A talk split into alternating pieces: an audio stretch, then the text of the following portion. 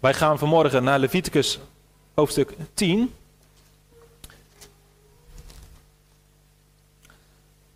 Leviticus. En we lezen allereerst hoofdstuk 10, vers 1 tot en met 11. En daarna lezen we nog de laatste versen van hoofdstuk 11. Dus Leviticus 10, vers 1 tot en met 11. En daarna nog enkele versen aan het einde van Leviticus hoofdstuk 11. Leviticus 10, we beginnen bij vers 1. De zonen van Aaron, Nadab en Abihu, namen allebei hun wierooksschal, deden vuur daarin, legden reukwerk daarop en brachten vreemd vuur voor het aangezicht van de Heere, wat hij hun niet geboden had. Toen ging een vuur uit van het aangezicht van de Heere, en dat verteerde hen, zodat zij stierven voor het aangezicht van de Heer. En Mozes zei tegen Aaron: Dit is wat de Heer gesproken heeft. In hen die tot mij naderen, zal ik geheiligd worden. En voor de ogen van heel het volk zal ik geëerd worden. Maar Aaron zweeg. Toen riep Mozes Misaël en Elsafan, de zonen van Uziel, een oom van Aaron, en zei tegen hen: Kom naar voren, draag uw broeders weg uit het heiligdom, tot buiten het kamp. Toen kwamen zij naar voren en droegen hen in hun onderkleren tot buiten het kamp, zoals Mozes gesproken had. En Mozes zei tegen Aaron en tegen Eleazar en Itamar, zijn zonen, jullie mogen je hoofdhaar niet los laten hangen en je kleding niet scheuren, opdat jullie niet sterven en een grote toren over heel de gemeenschap komt. Maar jullie broeders, heel het huis van Israël, zullen de brand bewenen, die de Heere aangestoken heeft. Jullie mogen ook niet van de ingang van de tent van ontmoeting weggaan. Anders zullen jullie sterven. Want de zalfolie van de Heere is op jullie. En zij deden overeenkomstig het woord van Mozes. De Heere sprak tot Aaron: Wijn en sterke drank mag u niet drinken. U niet en uw zonen met u ook niet, als u de tent van ontmoeting binnenkomt, opdat u niet sterft. Het is een eeuwige verordening, al uw generaties door. Zowel om onderscheid te kunnen maken tussen het heilige en het onheilige, tussen het onreine en het reine. Als ook om de Israëlieten in al de verordeningen te kunnen onderwijzen, die de Heere door de dienst van Mozes tot hen gesproken heeft. En dan lezen we de laatste versen van hoofdstuk 11 vanaf vers 43.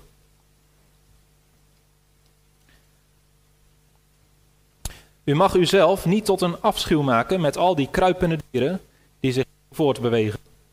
En u mag zich daarmee niet verontreinigen, zodat u daardoor verontreinigd wordt. Want ik ben de Heere, uw God.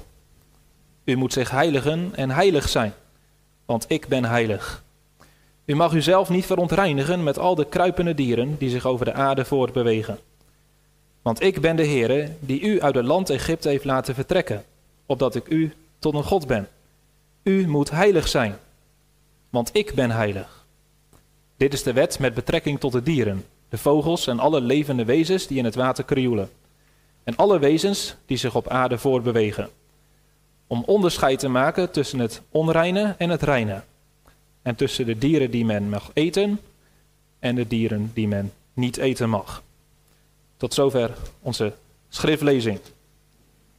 Er staat in hoofdstuk 10, eh, vers 10 dat er onderscheid gemaakt moet worden tussen het heilige en het onheilige, en tussen het onreine en het reine. En we zullen vanmorgen ontdekken wat dat betekent. En ook in de licht van het avondmaal heb ik gekozen voor het thema: Wees heilig en rein als je nadert tot God. Wees heilig en rein als je nadert tot God. Volgende week zullen we weer het heilig avondmaal met elkaar vieren.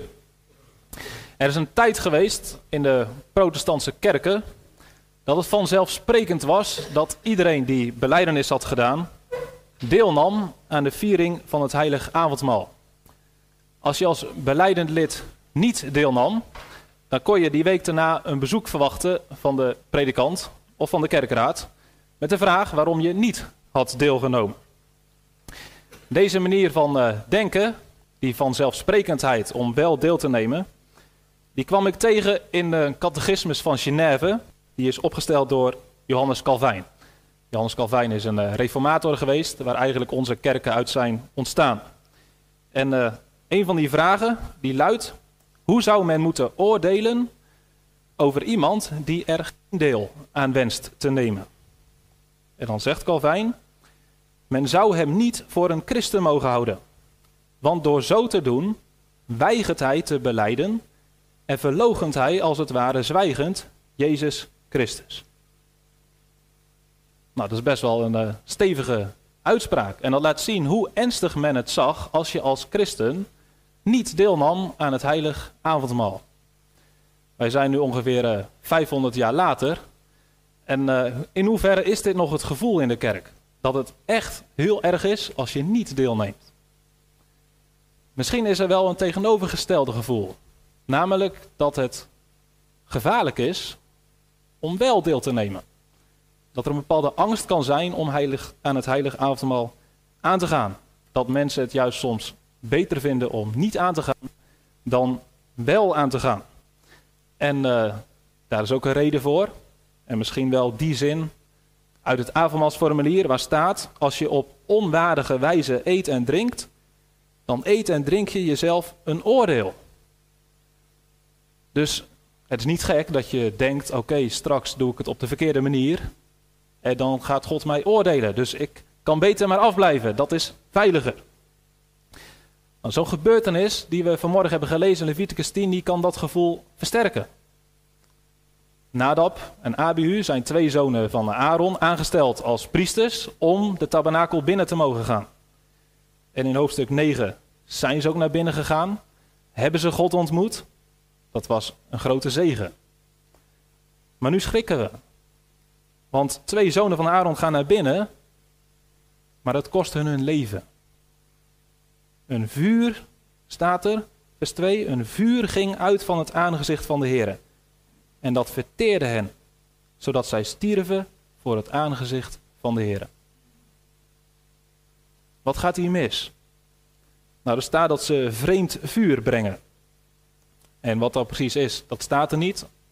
Mogelijk kun je zeggen, God had in hoofdstuk 9 had hij vuur op het brandofferaltaar neer laten komen. Het vuur van God. En mogelijk hadden ze dat vuur moeten gebruiken om naar binnen te gaan. Maar dan hebben ze gekozen voor zelf een eigen vuur te maken.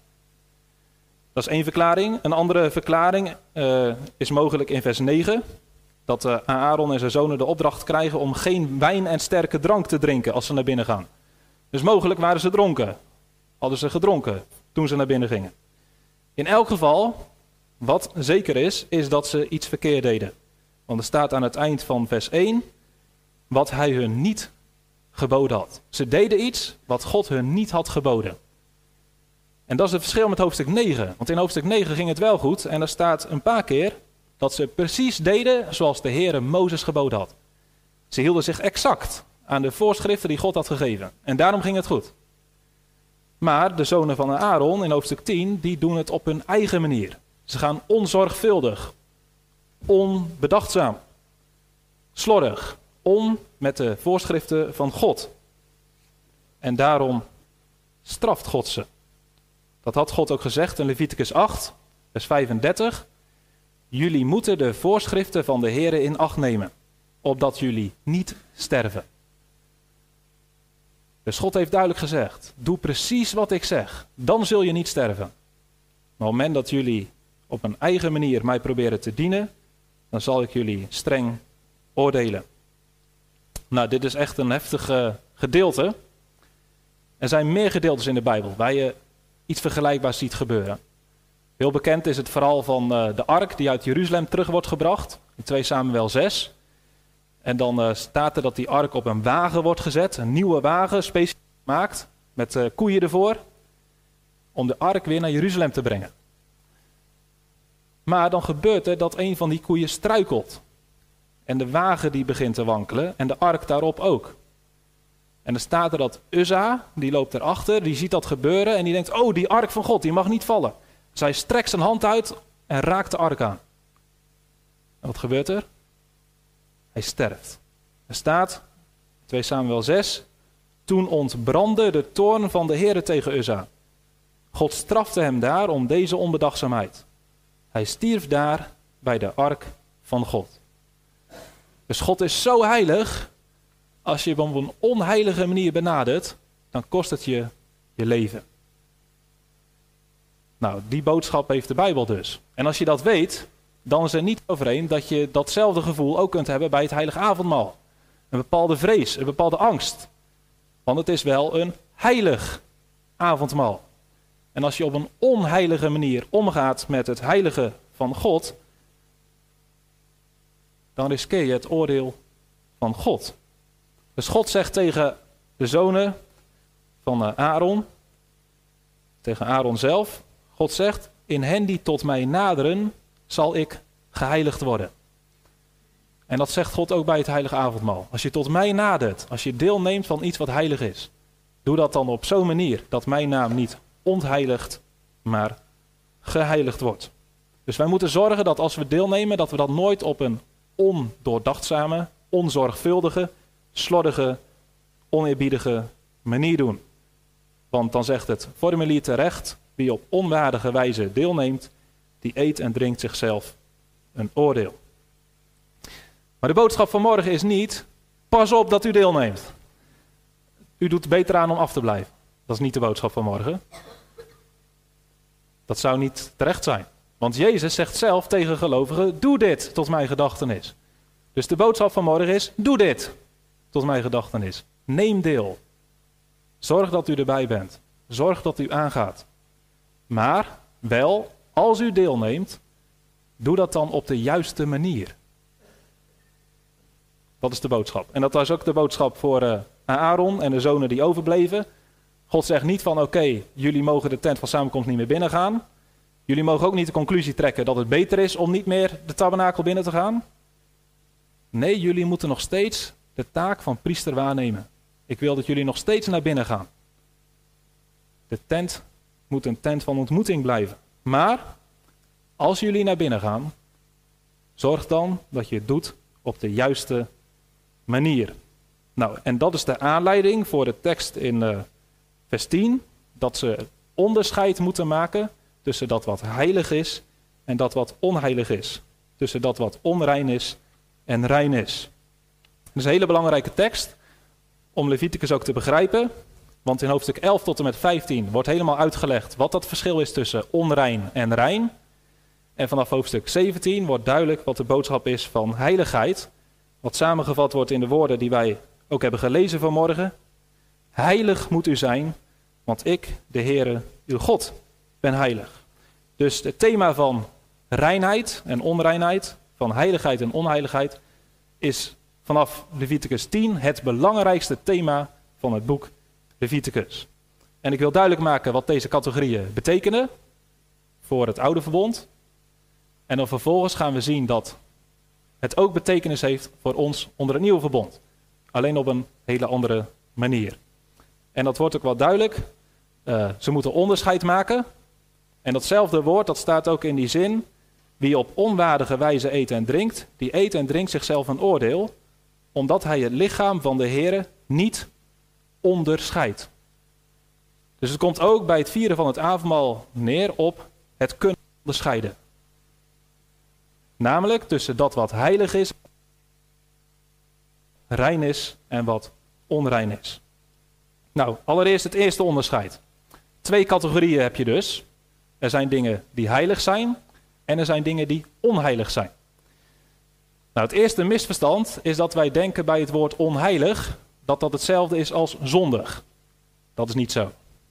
Onheilige dingen kunnen goed zijn en toch onheilig. Wat betekent het wel? Nou, allereerst zegt God van zichzelf, ook in Leviticus heel vaak, ik, de Heere uw God, ben heilig. Hij is in de eerste plaats de enige die heilig is. Want het woord heilig betekent uniek, apart, afgezonderd. En God is uniek in die zin dat hij de enige is die geen begin heeft. Hij is niet geschapen. En dat geldt wel voor al het andere wat is bestaan. Dus aan de ene kant heb je God die heilig is, en aan de andere kant heb je alles wat geschapen is. Wat niet heilig is, wat gewoon is, wat aards is. Eigenlijk moet je daaraan denken bij onheilig. Alles wat gewoon is, wat aards is, wat hoort bij de schepping. God is heilig en de schepping is onheilig. Maar nu kan God dat wat onheilig is, heiligen. En dat betekent dat hij dingen die bij de schepping horen, voor zichzelf apart zet. Zodat ze bij hem horen, zodat ze in zijn dienst komen te staan.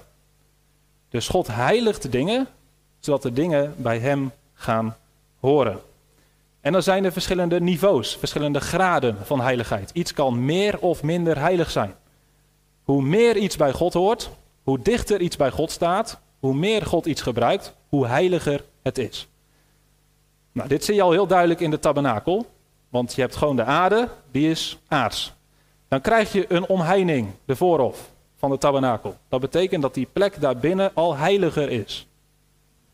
Binnen het voorhof heb je de tabernakel. Het eerste deel van de tabernakel is nog heiliger.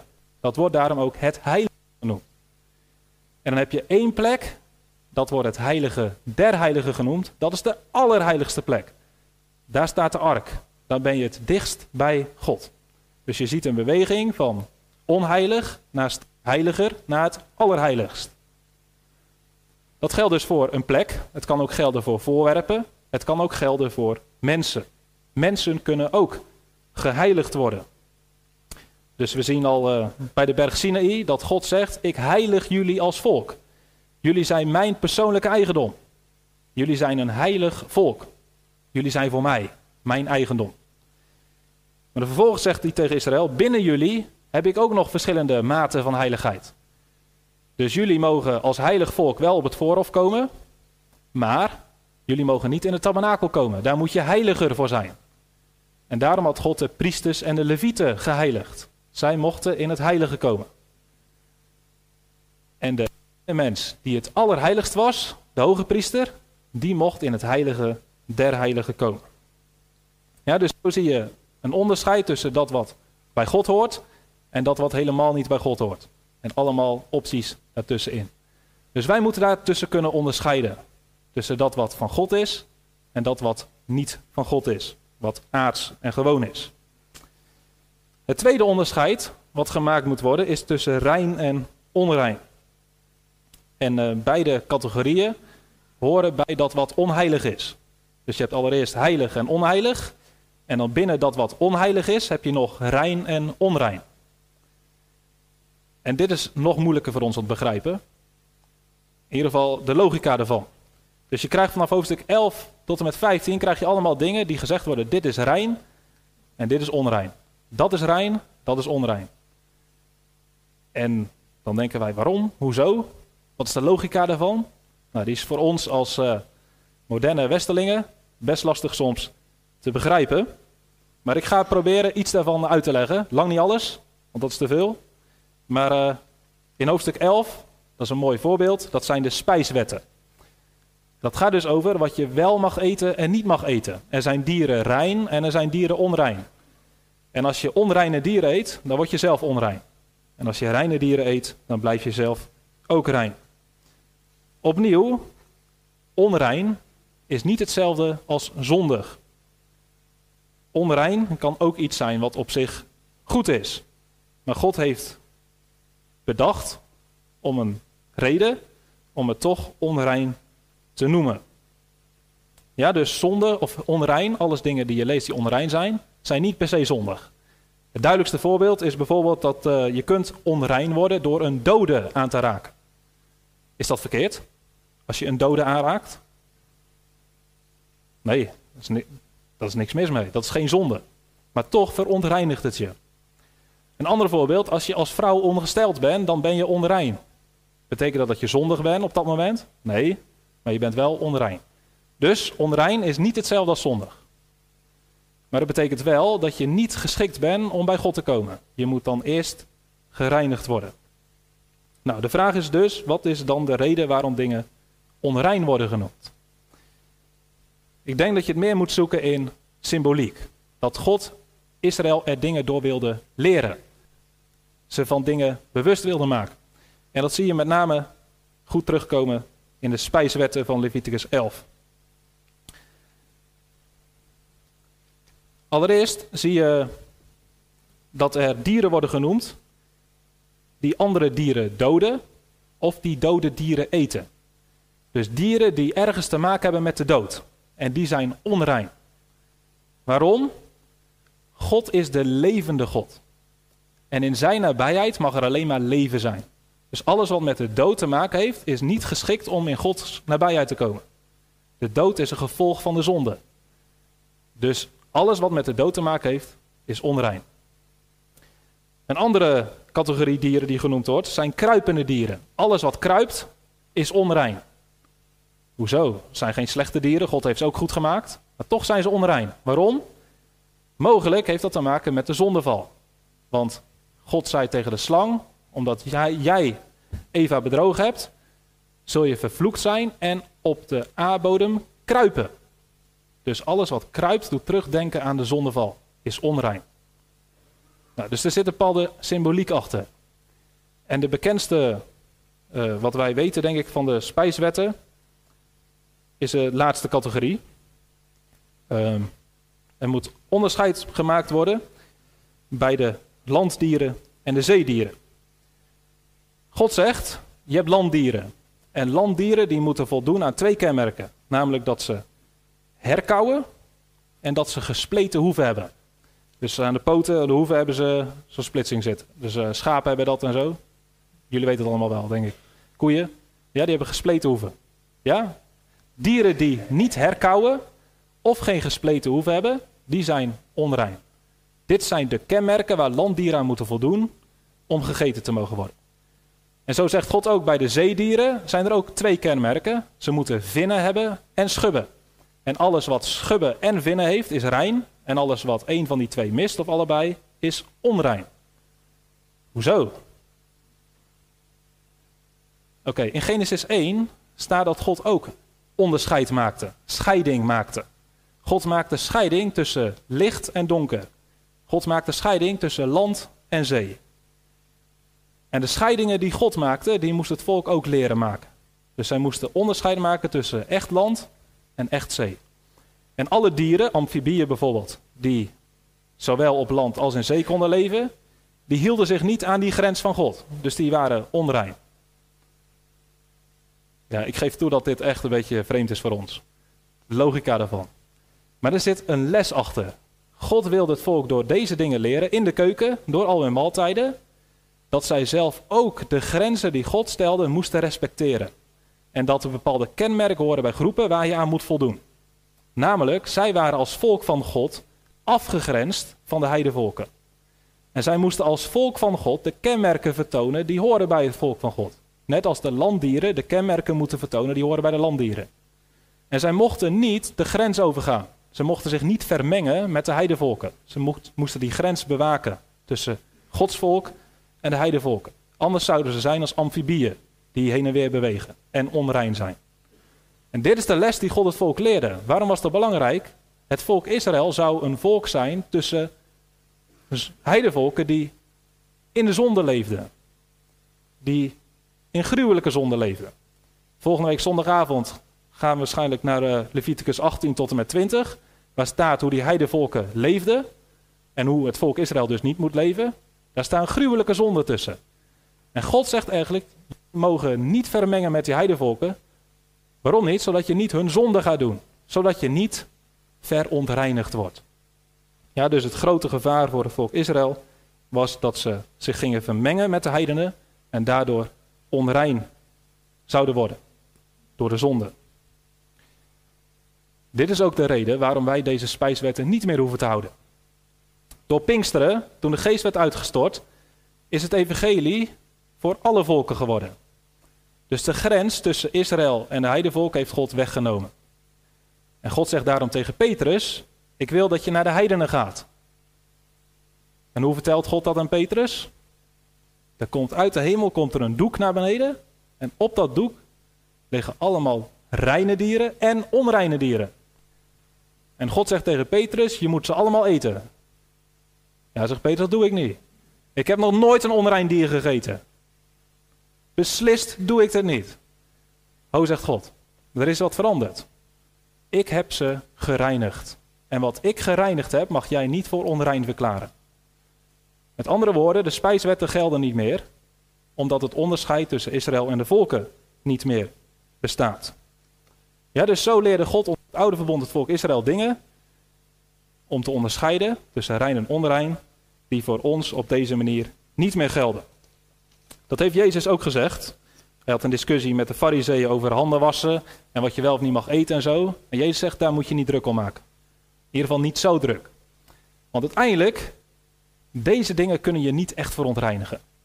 Als je een keer met ongewassen handen aan tafel zit, dan word je niet echt verontreinigd. Wel symbolisch, wel als je het bekijkt in de licht van Leviticus.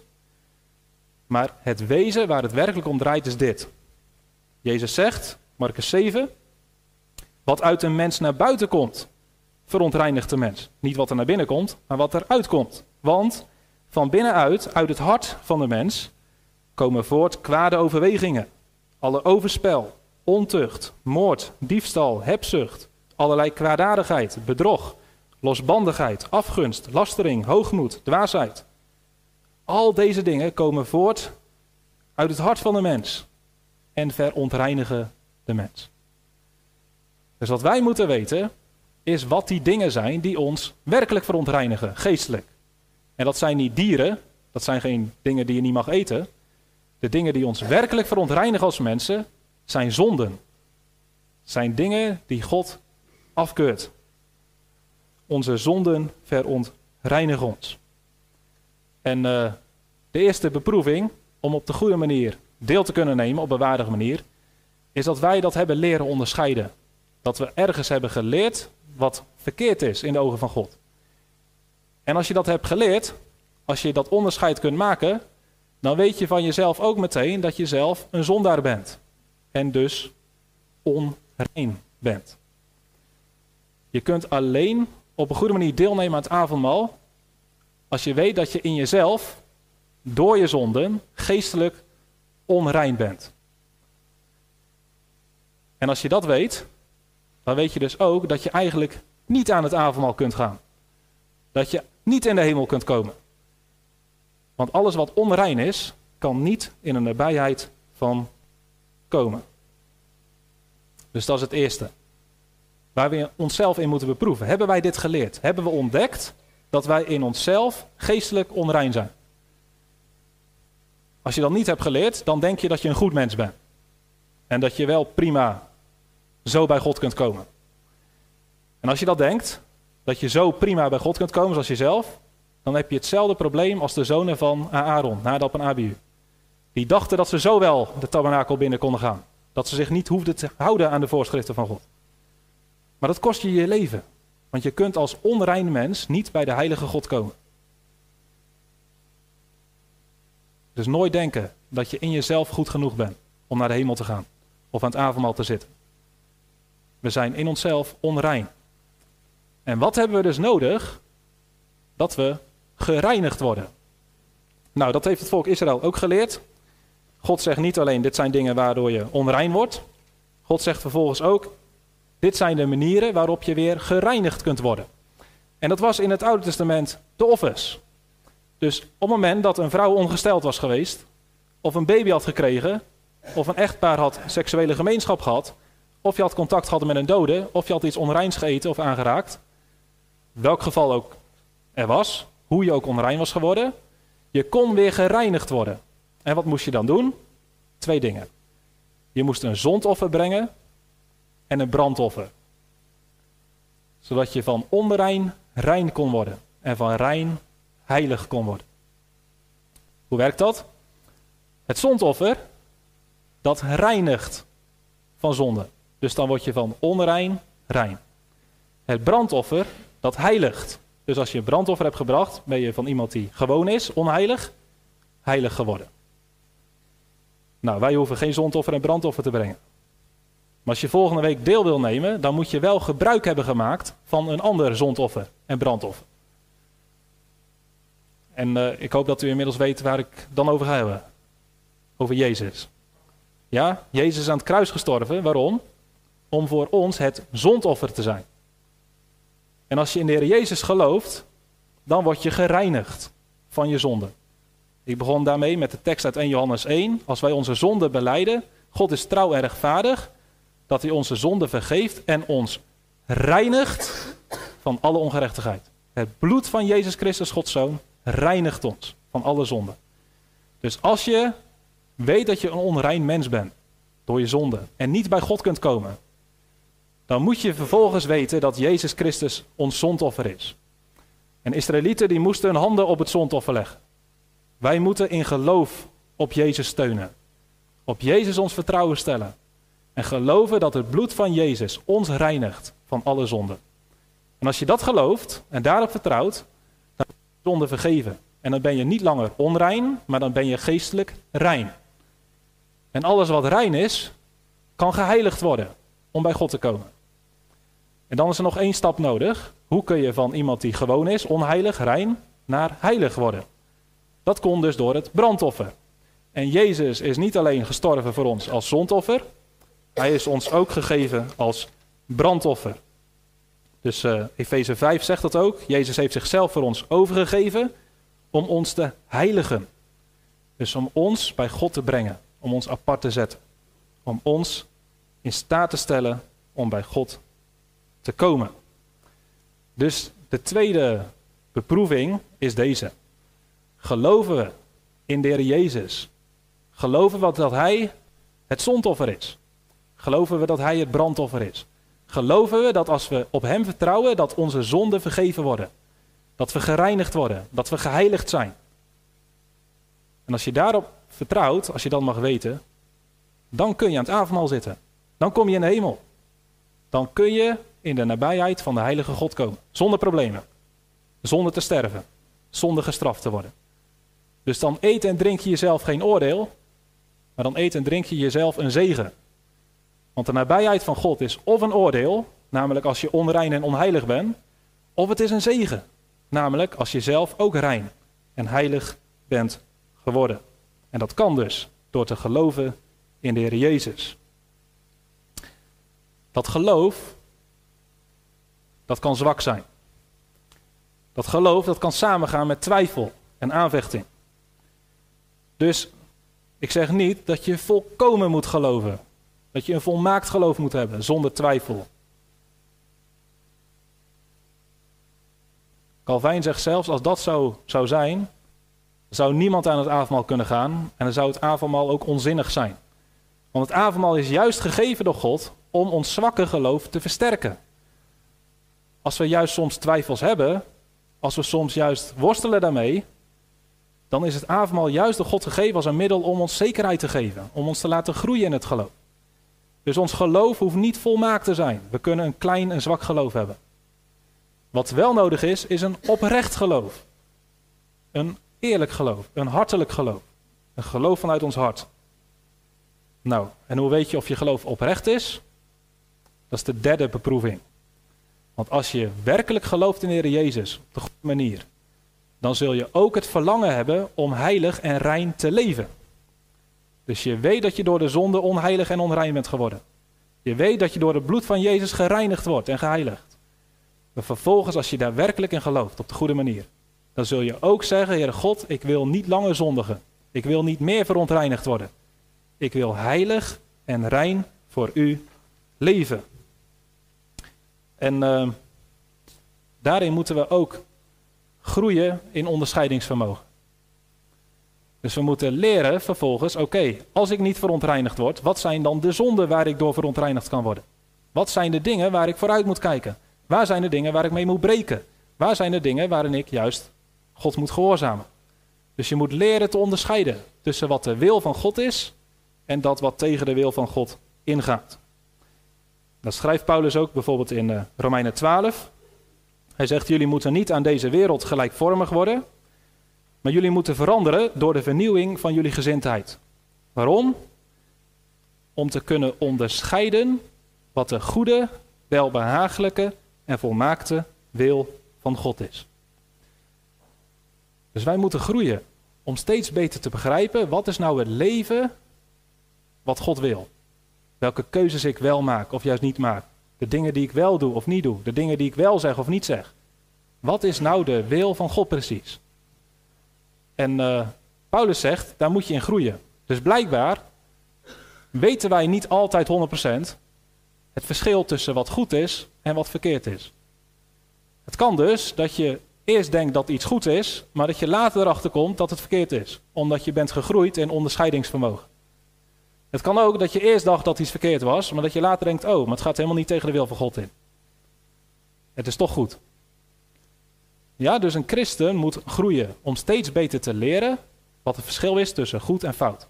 Net als de Israëlieten moesten leren wat het verschil is tussen heilig en onheilig, tussen rein en onrein. En als goed is, groei je daar ook in. Door God te gehoorzamen, door met Hem te leven, door naar de kerk te gaan, door de Bijbel te onderzoeken. Je groeit als goed is in onderscheidingsvermogen. Zodat je beter begrijpt wat de wil van God is. En je moet niet alleen groeien in onderscheidingsvermogen, je moet vervolgens ook groeien in gehoorzaamheid.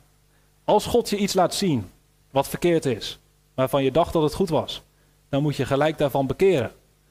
Want als je ermee doorgaat, dan word je daardoor verontreinigd. En ben je niet in staat om bij God te komen. Ja? Maar als we wel elke keer als God ons iets laat zien en zegt: hé, hey, dat is verkeerd. Dat stukje van je leven moet veranderen. Dan moeten we daaraan gehoorzamen. En dan moeten we zeggen tegen God: heilig en reinig mij ook op dat punt.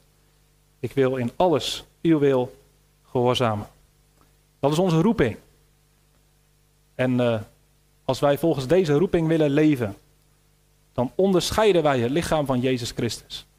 Dan begrijpen wij dat het een groot verschil is of je hoort bij Jezus Christus, bij zijn lichaam, bij zijn gemeente. Of dat je niet hoort bij zijn lichaam, bij de wereld. Maar als je hoort bij het lichaam van de Heer Jezus, je hoort bij zijn gemeente, dan moet je ook leven als iemand die dat uitstraalt. Die gehoorzaam is aan Jezus Christus. Dus samengevat. Allereerst, wij moeten onderscheiden in die zin dat we weten dat we door onze zonde in onszelf onrein zijn. Vervolgens mogen we weten dat Jezus Christus ons reinigt door zijn offer aan het kruis. En vanuit dat geloof hebben we een oprecht verlangen om ook rein en heilig te leven.